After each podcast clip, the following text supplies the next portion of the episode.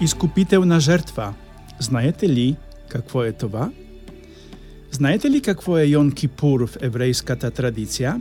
Това е може би најтержествениот празник в еврейскиот календар който се празнува през есента и който има характер на празник на помирението. Именно од този празник произлиза известна искупителна жертва. Мисля, че не един од нас е чувал тази поговорка за искупителната жертва или дори лично ја исползвал за да обозначи друго човешко сештество, другија човек, като повеќе или помалку справедливо понася последствијата од даденото себитие. Човек може да биде искупителна жертва когато несправедливо понася последиците од действие което не е извршил. Но тој може да биде искупителна жертва и доброволно, за да предпази другите од последиците на някакво действие. В днешното Евангелие се говори за козите и овцете, две животни които в нашата култура олицетворяват качества които не са добре намерено виждани в нас. Исус ни казва да търсим себе си точно сред едното или другото. Но за това има повеќе информација во днешниот подкаст. Кања ви, слушајте ме повеќе. Казвам се отец Кшиштоф, а сум капуцин францисканец, живеја в Инсбрук, в моите седмични подкасти под название Ја мхм, размишлявам врху неделните четива или ви водја на мисионерското петување в Индонезија или Мадагаскар. Можете да намерите подкастите ми на е, адреса на латиница ја мхм, като една дума, .podbin.com или като виведете в трсачката името на подкаста Ја мхм. Ще намерите нов подкаст всяка собота од 12 часа. Търсете ме.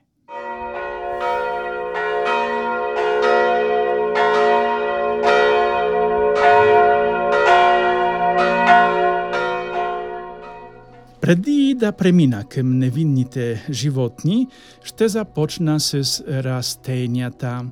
Спомняте ли си притчата за, на Исус за човека којто посјал доброто семе, но врагот на сејача бил на пет да посее плевел през ношта.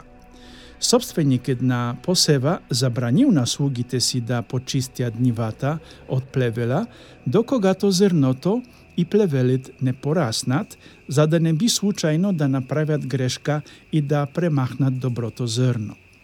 Тази притча имаше за целта ни да ни накара да осезнаем, че Бог допуска съществуването на добри и лоши хора до самия крај, като дава на последните шанс да дадат добър плод, дори ако човекът изглежда по-скоро като плевел, отколкото като добро зрно.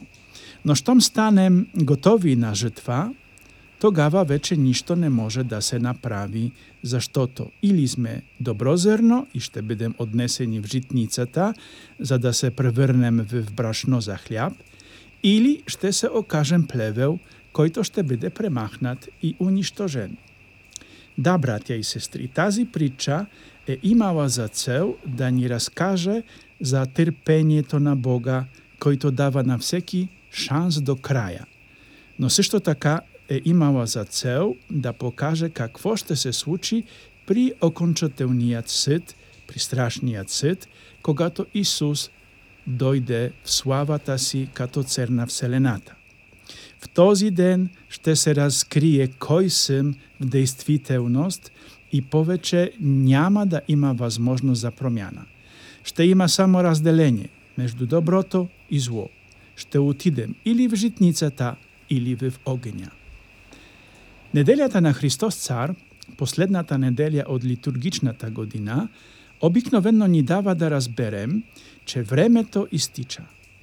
Денјат на парусијата, тоест денја на второто пришествие на Исус в неговата слава, скоро ще настепи и това е јасно.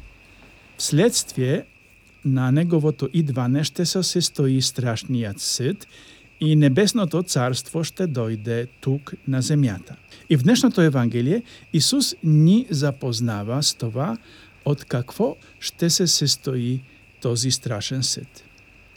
Няма да има дискусии, няма да има пазавици, няма да има призование на Божјата милост или призование на помошта на Марија, мајка на Христос или на всички светци.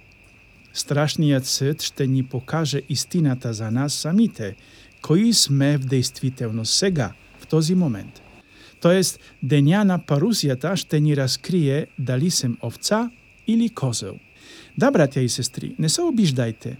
Вие сте или жертвениот козел, това искупителната жертва, којто ще биде испратен при владетелја на Ада, или овцата, којато грижовниот пастир ще биде ще верне обратно при стадото си.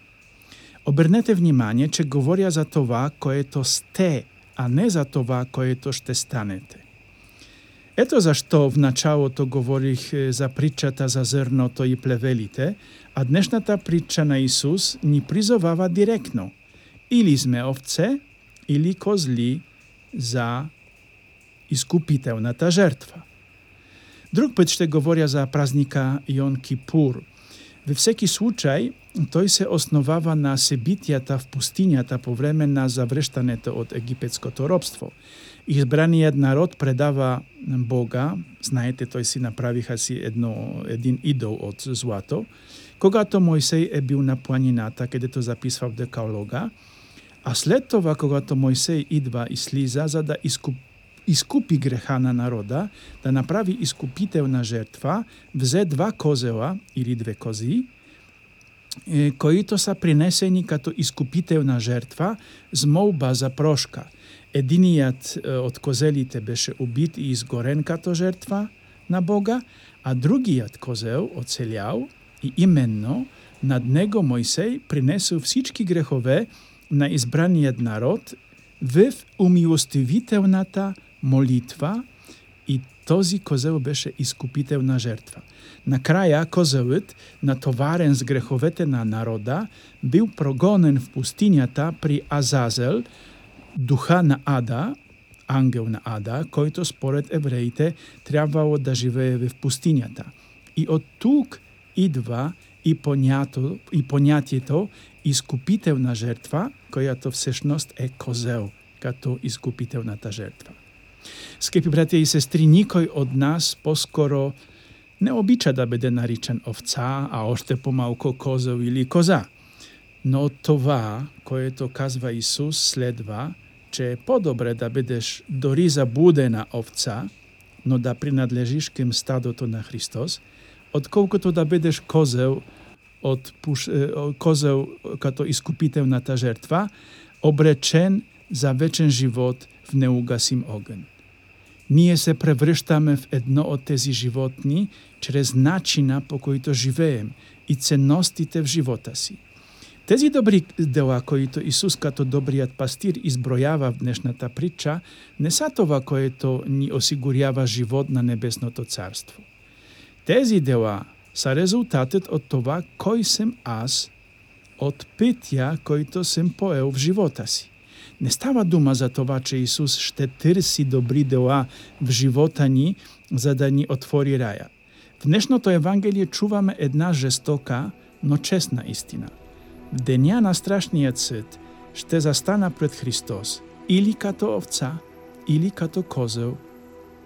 Изглежда, че докато сме живи, докато не последва жътвата, все още можем да направим нешто достатъчно добро се себе си и с живота си, за да бидем сред избраните овце. Кураж, братја!